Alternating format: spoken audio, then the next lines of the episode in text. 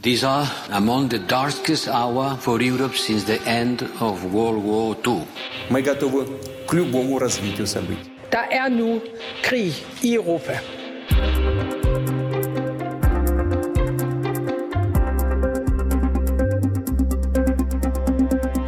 Tyrkiet fik i denne uge en central rolle i forhandlingerne om fred mellem Rusland og Ukraine, da der tirsdag var møde mellem parterne i Istanbul. Og Tyrkiet er måske den perfekte mailer, da landet både er knyttet til Vesten og til Rusland. Det er et NATO-land og et, en tæt samarbejdspartner til EU. Men samtidig har landet flyttet kraftigt med Rusland de seneste år, og så har Tyrkiet øh, en leder, Erdogan, som måske forstår den russiske præsident Putin bedre end nogen andre i Vesten, da han minder overraskende meget om ham. Du lytter til Krig i Europa, hvor vi sammen med to kyndige Tyrkiet-kendere ser nærmere på Tyrkiet som maler og på Tyrkiets forhold til henholdsvis Rusland og Vesten.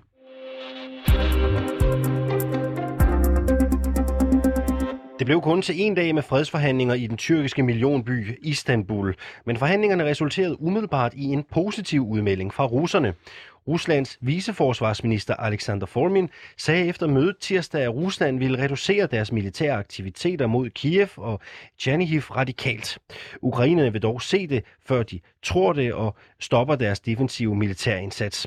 Som den ukrainske præsident Zelensky formulerer det, Ukrainerne er ikke naive folk. Ukrainerne har allerede lært i løbet af disse fire dages, 34 dages invasion og i løbet af de sidste 8 års krig i Donbass, at man kun kan stole på konkrete resultater. Ukraines militær siger dog, at de russiske tropper ser ud til at trække sig fra hovedstaden Kiev og den nordlige by Chernihiv. Men de vurderer, at den, den bevægelse blot er en rotation af tropper, som skal vildlede Ukraines militær. Så spørgsmålet er, hvor vellykket fredsforhandlingen i Istanbul egentlig var. Ifølge den tyrkiske udenrigsminister Mevlut Cavusoglu, så var det, vi så tirsdag, det mest markante fremskridt siden fredsforhandlingerne begyndte. Vi er ekstremt glade for at se en øget tilnærmelse mellem de to parter, sagde udenrigsministeren og gjorde det klart, at Tyrkiets topprioritet er at sikre våbenhvile så hurtigt som muligt og bane vejen for en veje politisk løsning, altså vejen at gå. Og lad os så få introduceret dagens gæster. Vi er nemlig så heldige at have to Tyrkiet-kendere i studiet hele udsendelsen. Mathias Findalen, du er en af dem. Velkommen til dig. Tak skal du have. Du er historiker og forfatter til bogen Dit Tyrkiet, der splitter. Og også velkommen til dig, Pola Rochenbakker. Tak for det. Du er udlandsredaktør og morgenredaktør på 24-7, og så er du tidligere Tyrkiet-korrespondent for Jyllandsposten. Øh, Findalen, lad os starte hos dig. Øh, allerførst, hvorfor er Tyrkiet oplagt som maler og vært for fredsforhandlinger mellem Rusland og Ukraine? Altså, hvad er det for en unik position, Tyrkiet har?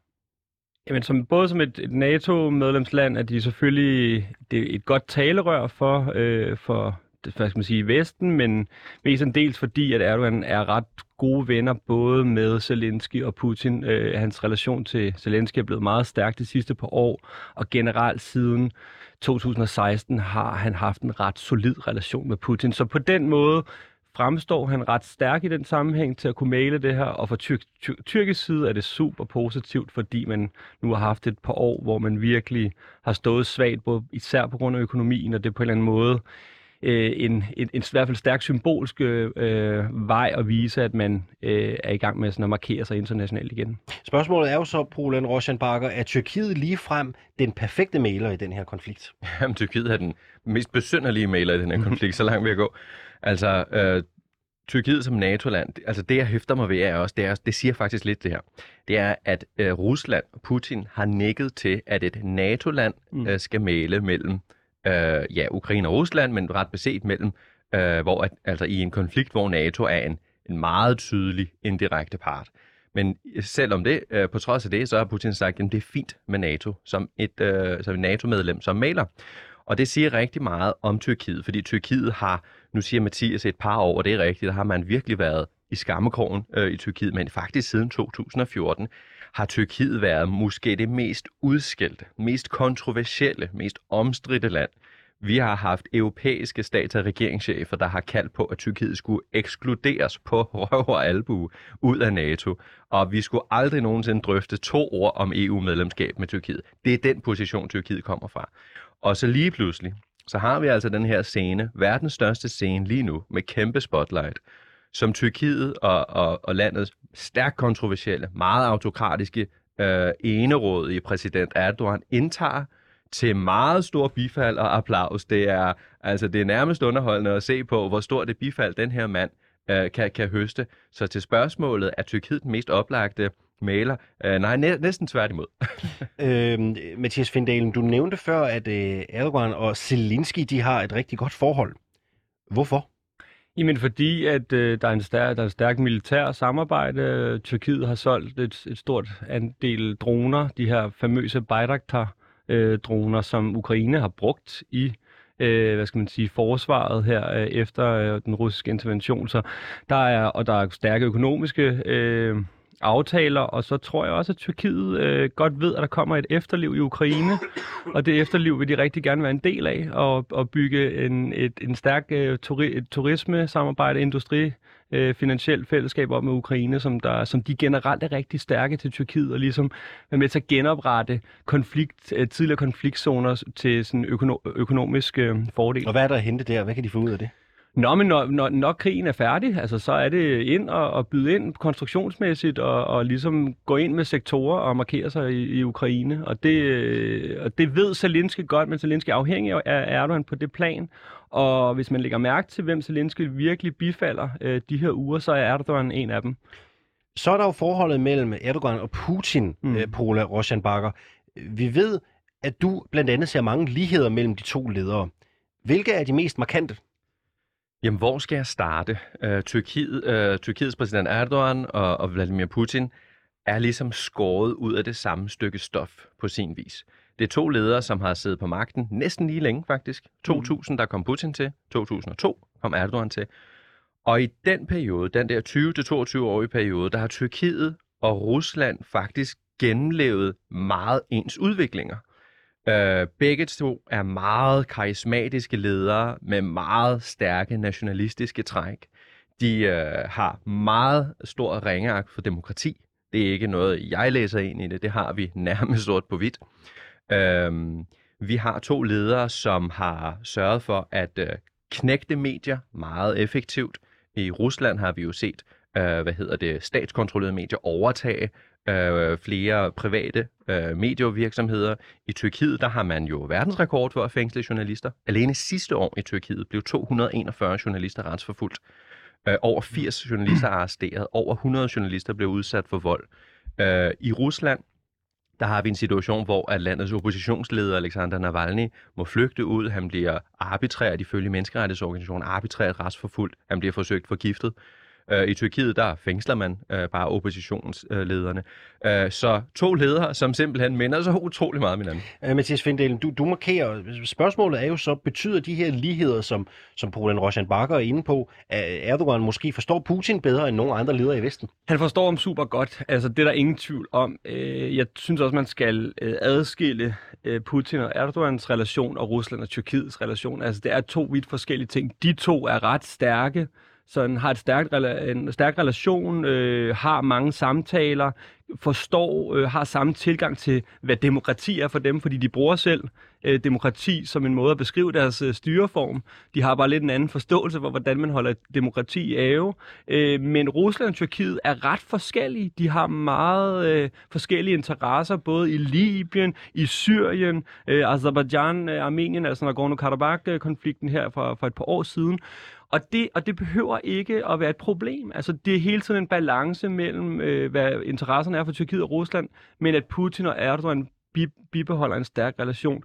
Jeg vil dog sige, at for mig er Putin stadig øh, i den sammenligning et, altså på en helt anden magtsfære, og har øh, generelt et, øh, styrer et autoritært øh, system øh, mere end Tyrkiet gør. De har trods alt en stærkere demokratisk arv, end, end, end, end Rusland har under Putin. Man er jo ikke blevet enige om en fredsaftale i Istanbul tirsdag. Mm. Øh, spørgsmålet er jo så, går Erdogan alligevel sejrigt ud af de her øh, forhandlinger? Øh, lad os starte hos dig, Pola Rosenberger. Ja, spørgsmålet var?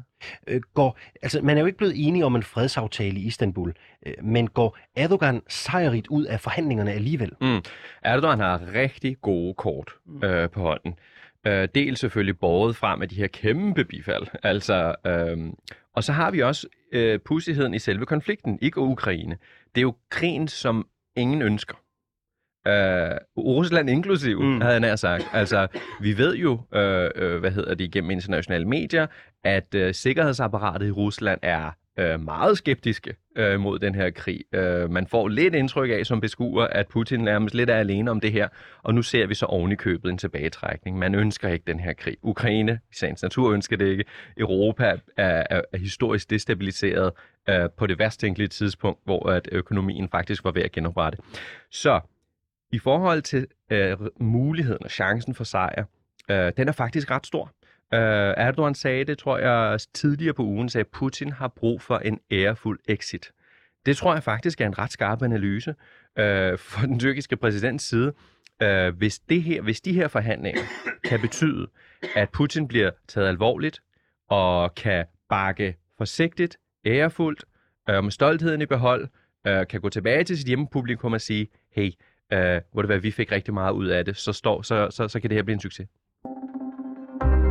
Mathias Findalen, historiker og forfatter til bogen øh, Det Tyrkiet, der splitter, og Pola Rosanne Bakker, udlandsredaktør her på 24-7, og også tidligere øh, Tyrkiet-korrespondent for Jyllandsposten. Vi skal nu se nærmere på forholdet mellem specifikt Tyrkiet og Rusland. Vi er alle sammen øh, inde på det allerede, men de seneste øh, år, der har der været visse tilnærmelser fra Tyrkiet mod Rusland, og Erdogan og øh, Putin har mødtes flere gange, og Tyrkiet er øh, Ruslands største handelspartner i øh, Mellemøsten, også i, i Nordafrika.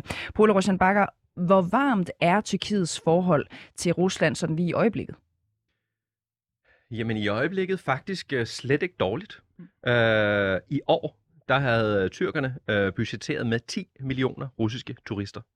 Øh, og det er der altså et antal, som er vokset gevaldigt.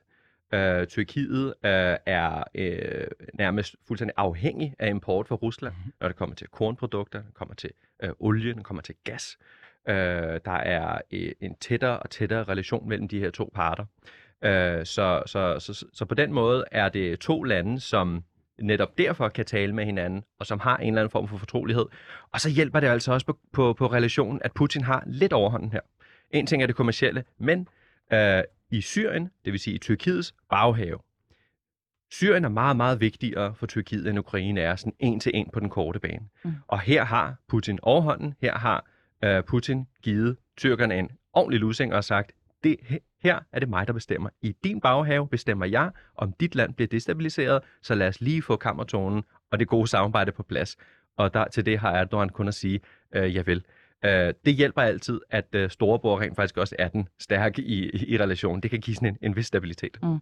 Mathias Findalen, øh, ifølge dig så var kupforsøget mod Erdogan øh, tilbage i 2016 helt afgørende for Tyrkiets forhold til Rusland. Mm. Øh, hvorfor det? Det var fordi, at øh, på det tidspunkt, øh, det er, Erdogan stadig, øh, der var han ikke særlig populær, i, øh, især ikke i EU, men heller ikke i USA. Og derfor så var der ikke særlig mange, der kunne forsøge folde sig ud i løbet af, af, af natten der den 15. juli. Der var der ikke særlig mange vestlige ledere, der var inde og ligesom at ringe til ham, eller skrive til ham og sige, vi, vi støtter dig. De ventede ligesom på at se, hvad resultatet var. Hvor Putin var jo den første, der ringede og sagde, øh, jeg, jeg er din marker i det her, og jeg har din hånd og vi skal, jeg skal nok hjælpe dig igennem det her med at få øh, genetableret en stærk øh, magt i Tyrkiet. Og det så han meget, meget positivt på, og kort tid efter etablerede man altså det her forsvarsvåbensystem aftale, hvor man simpelthen købte det her S-400-system fra Rusland øh, ind til Tyrkiet, som var meget beværkelsesmærdigt, og som pissede NATO øh, af. Det var også meningen. det var meningen, at skulle pisse NATO, og det var meningen, at Putin virkelig fik presset det frem. Øh, og der, skyldes, der, der, er en, der er en anden vigtig ting lige at sige, det, det er, året inden kupforsøget, der skyder Tyrkiet et russisk kampfly ned, øh, fordi man mener, det fløj ind i tyrkisk øh, hvad skal man sige, øh, luftfære, og der blev Putin simpelthen så rasende og indførte voldsomme sanktioner på Tyrkiet, som især gik ud over turismesektoren. Og der måtte Erdogan altså tage til, til St. Petersborg kort tid efter, og den røde løber var altså ikke foldet ud. Han måtte sige undskyld. Og det, øh, altså det etablerede ligesom magtforholdet mellem de to, at Putin har altid the, the upper hand i den relation. Så Putin har kunne bruge Erdogan. Øh, han vil gerne have, at, han, at Tyrkiet stadig er i NATO. Det er godt, så kan han ligesom stikke lidt in, mm, til NATO hele tiden igennem den relation. Øh, og derfor så har den siden kupforsøget, hvor øh, Putin markerede sig der over for Erdogan, været ret stærk. Mm. Så øh, Putin har tilgivet øh, Erdogan i, i nogen grad, kunne man, kunne man sige. Har vi set andre eksempler ud over det her forsvarssystem øh, på, at forholdet mellem de to øh, er godt? Øh, ja, ekstremt mange forskellige ting. Altså også, altså som, som, øh, som Pola nævnte lige før, altså en vild, rigtig, rigtig stærke handelsforbindelser. Altså det, det må man sige, det, I kan, du må også tydeligt se nu, altså hvor er det, øh, lidt komisk, men hvor er det russer, der flygter fra, fra Rusland, tager hen, de tager til Istanbul. Øh, det er nemt at komme dertil, der er en god, øh, altså en go- gode relationer mellem dem, og, og turismesektoren er massiv, det er den største i Tyrkiet, de er fuldstændig afhængige af russer. Der er mange byer i Tyrkiet, man tager til, hvor skiltene står på, øh, på, på kyrillisk og så videre. Altså, så det er virkelig et nært bånd, øh, og det har Erdogan ingen interesse i at skulle lukke ned for, Putin heller ikke. Og nu ser vi pengene flyde ind Ja, også. ja, lige præcis. I sidste uge, øh, Roman Abramovich, Ja. ja. den meget kendte russiske erhvervsmand og tidligere ja. Chelsea-ejer, øh, lagde jo til ved sin kæmpe Ja, ja, store lystjagt i, øh, ved, hvad hedder det, ved de tyrkiske Og kyster. vi køber tyrkiske fodboldklubber nu. Ja, og lige præcis, Ja. fordi at i Tyrkiet, der bliver man altså ikke sanktioneret. Det Tyrkiet øh, ikke. sanktionerer ikke Rusland, som, som vi gør i Vesten. Og det er jo vigtigt at sige, at Erdogan har ikke støttet de her sanktioner mod Rusland. Det er han ikke tilhænger af. Så han bevæger sig hele tiden på en fin sådan, balance, men den må ikke tippe, den balance. Han må ikke gå for meget over på Zelensky, og han må heller ikke gå for meget over til Putin, fordi han er på grund af økonomien ekstremt afhængig af relationen til Vesten lige pt. De økonomiske forbindelser til EU er, er vigtige for Tyrkiet, og det er de altid være, og det vil de blive ved med at være. Især Tyskland er afgørende her. Tilbage til noget af det, som I begge to var inde på øh, tidligere i 2017. Rigtig nok, der indgik øh, Tyrkiet en, en aftale med Rusland om at købe fire jord til luft øh, missilbatterier af typen øh, S-400 til en pris på 2,5 milliarder dollar.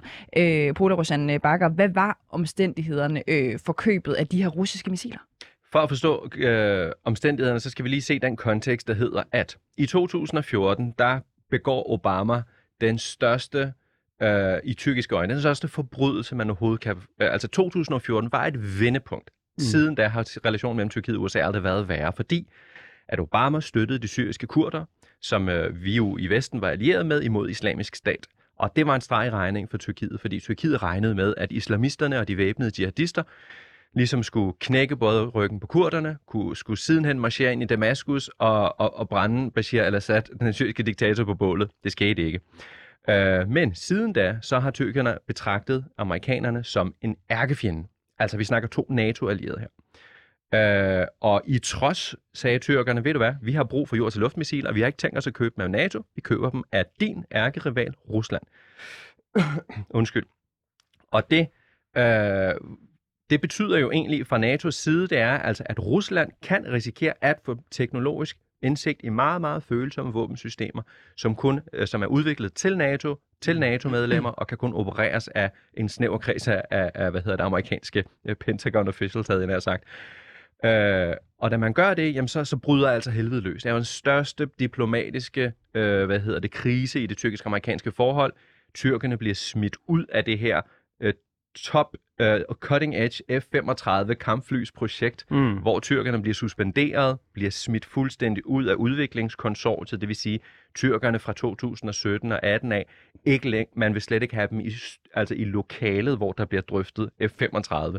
Så største krise overhovedet, og det og så hvad hedder det fast track frem til 2022, at Erdogan så til store bifald på Washington kan sige, du er fredens mand. Mm. Du er vores mand i, i øh, hvad hedder det, i Istanbul, der kan få de to stridende parter sammen. Det er jo, øh, ja, det er jo vidunderligt. Mm. Tyrkiet øh, køber jo ikke kun øh, avancerede våbensystemer, de sælger dem øh, sådan set også. De er nemlig langt fremme på droneområdet og har solgt deres øh, Bayraktar, nu ved jeg ikke, om jeg udtaler det helt korrekt, øh, øh, drone, tak, til øh, blandt andre Ukraine. Øh, det er en drone, som har været effektiv på slagmarken mod russerne blandt andet. Øh, Mathias Findalen, er det ikke lidt en pudsig situation, at øh, Tyrkiet har købt missiler af russerne og solgt droner til Ukraine, og så bruger de dem mod russerne? Jo, det er pudsigt, men det er international politik, når det er bedst. altså, og, og det, det er alle parter klar over, og det skal de balancere i. Altså, Putin kan ikke gå ind og, og, og overtrumfe på det plan, og er nok også interesseret i hele tiden at holde Erdogan så tæt på NATO som muligt, så længe at de droner ikke går ind og bliver fuldstændig afgørende. Vi, snakker, vi snakker stadig om et, et få antal af droner, der er i Ukraine. Lad os sige, at de går ind og bliver fuldstændig afgørende. Så kan det godt være, at Putin begynder at ringe til Erdogan og sige nogle ting. Ikke? Men lige nu er det stadig på et plan. Øh, de er også blevet kørt meget frem med de her droners øh, betydning, og de har en, en fin betydning. Men, men øh, så det er en balanceakt hele tiden, og det er den, de relationer. Altså det er det, og det er derfor Putin han vil gerne have Erdogan derinde som en god forhandlingspartner, der også kan være øh, ligesom hans øh, dialogpartner ind i NATO og ind i, øh, i EU. Så, så det er okay lige nu. Der er der ikke noget federe, end at, øh, at den, der skal styre øh, slagets gang i øh, hvad hedder det, forhandlingslokalet, er en, som man selv har en klemme på. Lige præcis. Altså, nej, men det, det er godt at lige kunne hele tiden mm. vide, hvor man kan hvor man kan styre ham. Mm. Nu har Tyrkiet så forsøgt at være maler i konflikten mellem Rusland og, og Ukraine, og i forlængelse øh, deraf selvfølgelig også øh, Vesten. Så jeg tror, jeg vil spørge begge to. Altså, står Tyrkiet over for en form for skillevej i forhold til øh, forholdet øh, til Rusland? Er de nødt til at vælge på en eller anden måde på et eller andet tidspunkt i det her? Lad os starte hos dig, Apollo. Øh, nej. Øh, Tyrkiet og Rusland har været i krig de sidste har været i krig i alt 13 gange, mm. øh, hvis vi kigger 100 år tilbage. Sådan er det med geopolitik, ligesom som Mathias også nævnte, sådan er storpolitik. Hvis vi, kigger, vi er nødt til at kigge på en globus. Vi er nødt til at se, hvor ligger de her lande. Øh, når man ligger, hvor Tyrkiet ligger, øh, mellem Europa og Rusland, så har man ikke den luksus og kappebånd. Man er tvunget til at øh, pleje omgang, og hvad, hvad enten du ved det eller ej. Og det samme med Vesten i øvrigt, kan man i parentes bemærket. Vi i Vesten har jo heller ikke øh, noget godt at vinde ved at kappe øh, alle bånd. Vi, er, vi ligger op ad hinanden, vi deler grænser. Mm. Øh, så på den måde øh, øh, kommer det ikke til at ske. Det er et komplekst billede, de, øh, der bliver købet, handlet. Tyrkiet er afhængig af noget import, Rusland er afhængig af, at Tyrkiet kan viderebringe følsomme, vigtige meddelelser i NATO-kredse helt ind i Bruxelles og Washington øh, og så videre og så videre. Øh, I det volatile Mellemøsten er, de, er, er Tyrkiet og Rusland meget vigtige samarbejdspartnere. Mm. Findalen, er du øh, enig? Kommer der et eller andet tidspunkt i de her forhandlinger, hvor øh, Tyrkiet er nødt til at bekende kulør måske mere, end hvad vi har set tidligere? Det kan godt være, at der gør det. I, øh, det er stadig uklart, om hvorvidt Tyrkiet kan bruge det her efterfølgende øh, Øh, politisk. Altså lige nu ser det godt ud, i hvert fald symbolsk. Øh, det er jo svært at se, hvad der kommer ud af det her, og det, det virker ikke som om Putin har tænkt sig at give sig. Og, og hvis det bliver ved med, og hvis det bliver ved med at være de her ret tydelige nederlag fra Putins øh, krigsførsel, så kan det godt være, at han vil stramme grebet i forhold til at presse Tyrkiet noget mere, fordi sandheden er, at selvom øh, Erdogan øh, Øh, er meget afhængig af Vesten lige pt. økonomisk, så vil han i sidste ende vælge Putin. Det er fuldstændig overvist om, for den relation er så stærkt forankret lige nu. Det er den ikke til Vesten og Europa. Han kan godt åbne op økonomisk også til Kina endnu, mere, øh, endnu tydeligere, til Golflandet. Han er i gang med at genetablere relation til Israel, øh, til Saudi-Arabien osv., så han, han, han vil ikke være for afhængig af at skulle stå der og tage Vestens side. Det vil gå imod det, han har sagt de sidste 10 år politisk. Så han skal balancere i det, men vil han vil i sidste ende vælge, vælge Putin, det er jeg ret overbevist om, uden at være for tydelig i det.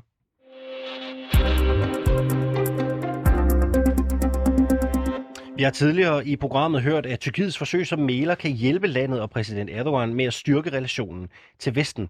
Så lad os lige prøve at se nærmere på øh, det forhold her i de sidste 10 minutters tid. Øh, Tyrkiet er jo i en forsvarsalliance, det er NATO, sammen med USA og alle os andre, og så hjælper øh, Tyrkiet jo EU med flygtningestrømmen. Men der er kur på tråden. Øh, Pola øh, Rosjan Bakker, øh, du er udlandsredaktør på 24-7. Du har tidligere været Tyrkiet, korrespondent for Jyllandsposten, og Mathias Findalen, du er stadigvæk med os. Du er historiker og har skrevet bogen Det Tyrkiet, der splitter. Findalen, vi starter hos dig. Tyrkiet og Vesten har ikke haft det varmeste forhold i de sidste par år. Det vil nogen måske kalde en underdrivelse. Hvorfor er det ikke tilfældet? Altså, der er mange grunde til det, og, og øh, hvis man sådan historisk kigger på det, bliver man nødt til at vende tilbage til 2005, hvor optagelsesforhandlingerne øh, for Tyrkiet som, som EU-medlemsland startede, og hvor der var kæmpe opbakning øh, i den tyrkiske befolkning til at Tyrkiet skulle blive et EU-medlemsland.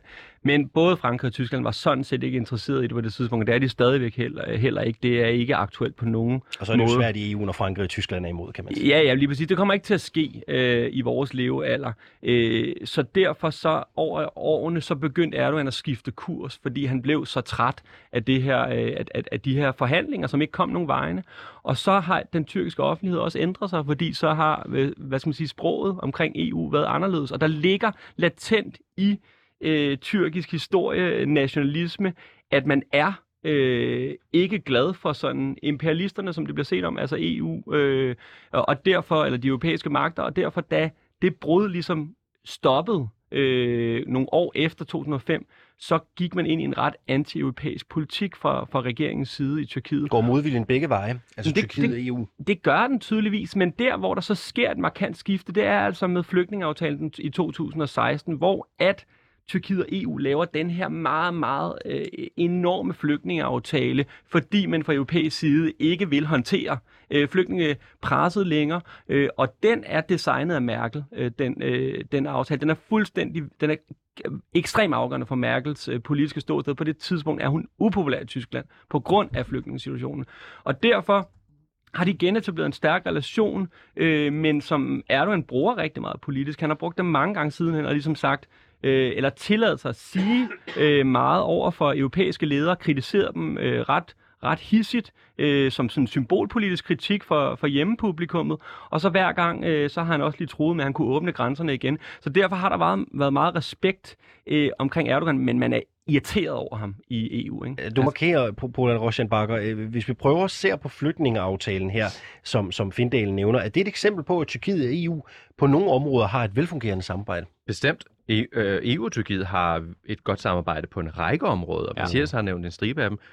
Øhm, det, det, det, jeg hæfter mig ved, det, det var i, i sidste uge, øh, fordi altså, forhandlingerne om medlemskab er en dødsejler. Det troede man alle parter så ens på. Men mm. så i sidste uge, jeg ved ikke i beruselse måske over sin nuværende succes, og de, de stående bifald eller sådan noget fra Vesten, går Erdogan så ud i sidste uge og siger, nu må det også være på tide, at vi lige genåbner de her forhandlinger.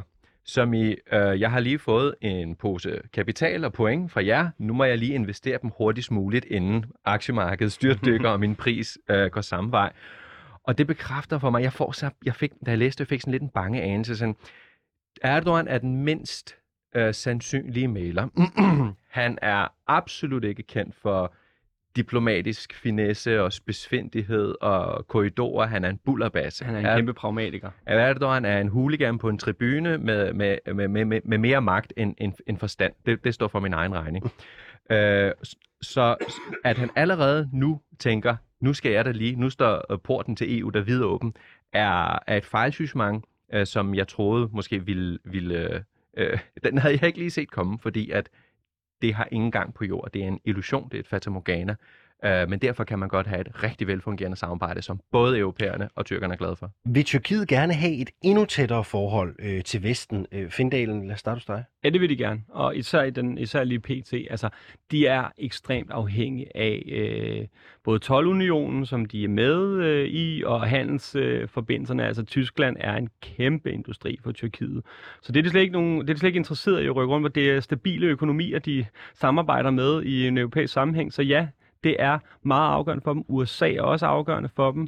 Ikke lige så meget, men selvfølgelig internationalt renommé-mæssigt. Man vil gerne have investeringer tilbage øh, i, en, i Tyrkiet, som virkelig er forsvundet de sidste fem år. Og hvis Erdogan ikke gør det, så er han færdig ved præsidentvalget 2023, medmindre han går øh, full-blown øh, autoritær magt på det, så er han færdig. Så han skal have rettet op på økonomien, og der er han afhængig af hele tiden at holde den tætte forbindelse til Putin, Xi Jinping osv., men de stærke økonomier øh, i en europæisk sammenhæng er fuldstændig afgørende for. Bakker, øh, vil Tyrkiet gerne have et tættere forhold til Vesten, sådan som du ser det? Ja, men ikke for tæt. Øh, som, som, som Mathias også øh, redegjorde for, Tyrkiet og Erdogans magt ligger i ikke at lægge alle sine kurve et sted. Øh, det er ikke populært hjemme i Tyrkiet, hjemme i Annedammen, at være og blive set som super-europæer. Øh, det er heller ikke til hans fordel at blive set som Putins øh, lillebror. Mm. Øh, han skal placere sig et sted midt imellem, og det er der, øh, hans indflydelse er størst. Her til sidst, når krigen i Ukraine den på et tidspunkt er forbi, tror I så, at Tyrkiet vil være svækket eller styrket? Vi har ikke så lang tid tilbage. Findalen, Ja, de vil være styrket, altså fordi de var så svækket inden, at de nærmest ikke kunne blive mere svækket. Så de kommer, de kommer styrket ud af det her, øh, stort til lige meget hvad, øh, fordi de har gået ind og markeret sig og vist, at de kan forhandle med alle parter i de her konflikter, og det har de også gjort generelt de sidste par år i andre sammenhæng. Udenrigspolitik er vigtigt for dem, og det her har de markeret sig, så de kommer styrket ud af det. Tyrkiet er svækket eller styrket efter krigen i Ukraine? På Ej, når, du kommer, når du starter fra minus 20, så er selv hvis du bevæger dig op på 0, så er det jo en kæmpe fremgang. Så, så, så bestemt, det her, det ligner altså en styrkelse af, af, af Tyrkiet på den i hvert fald den korte bane. Vores panel i dag var uh, Mathias Findalen, historiker og forfatter til bogen Det Tyrkiet, der splitter, og Pola Roshan Bakker, udlandsredaktør og morgenredaktør på 24-7, og tidligere korrespondent for Jyllandsposten. Tak fordi I kom uh, begge to her til morgen. Selv tak. Selv tak. Du har lyttet til Krig i Europa. Redaktionen bag dagens program var Oliver Bernsen, Sofie Ørts og redaktør Christine Randa. Mit navn det er Cecilie Lange. Og jeg hedder Alexander Vils Lorentzen, og husk, at alle afsnit af Krig i Europa kan du høre der, hvor du henter dine øh, podcasts.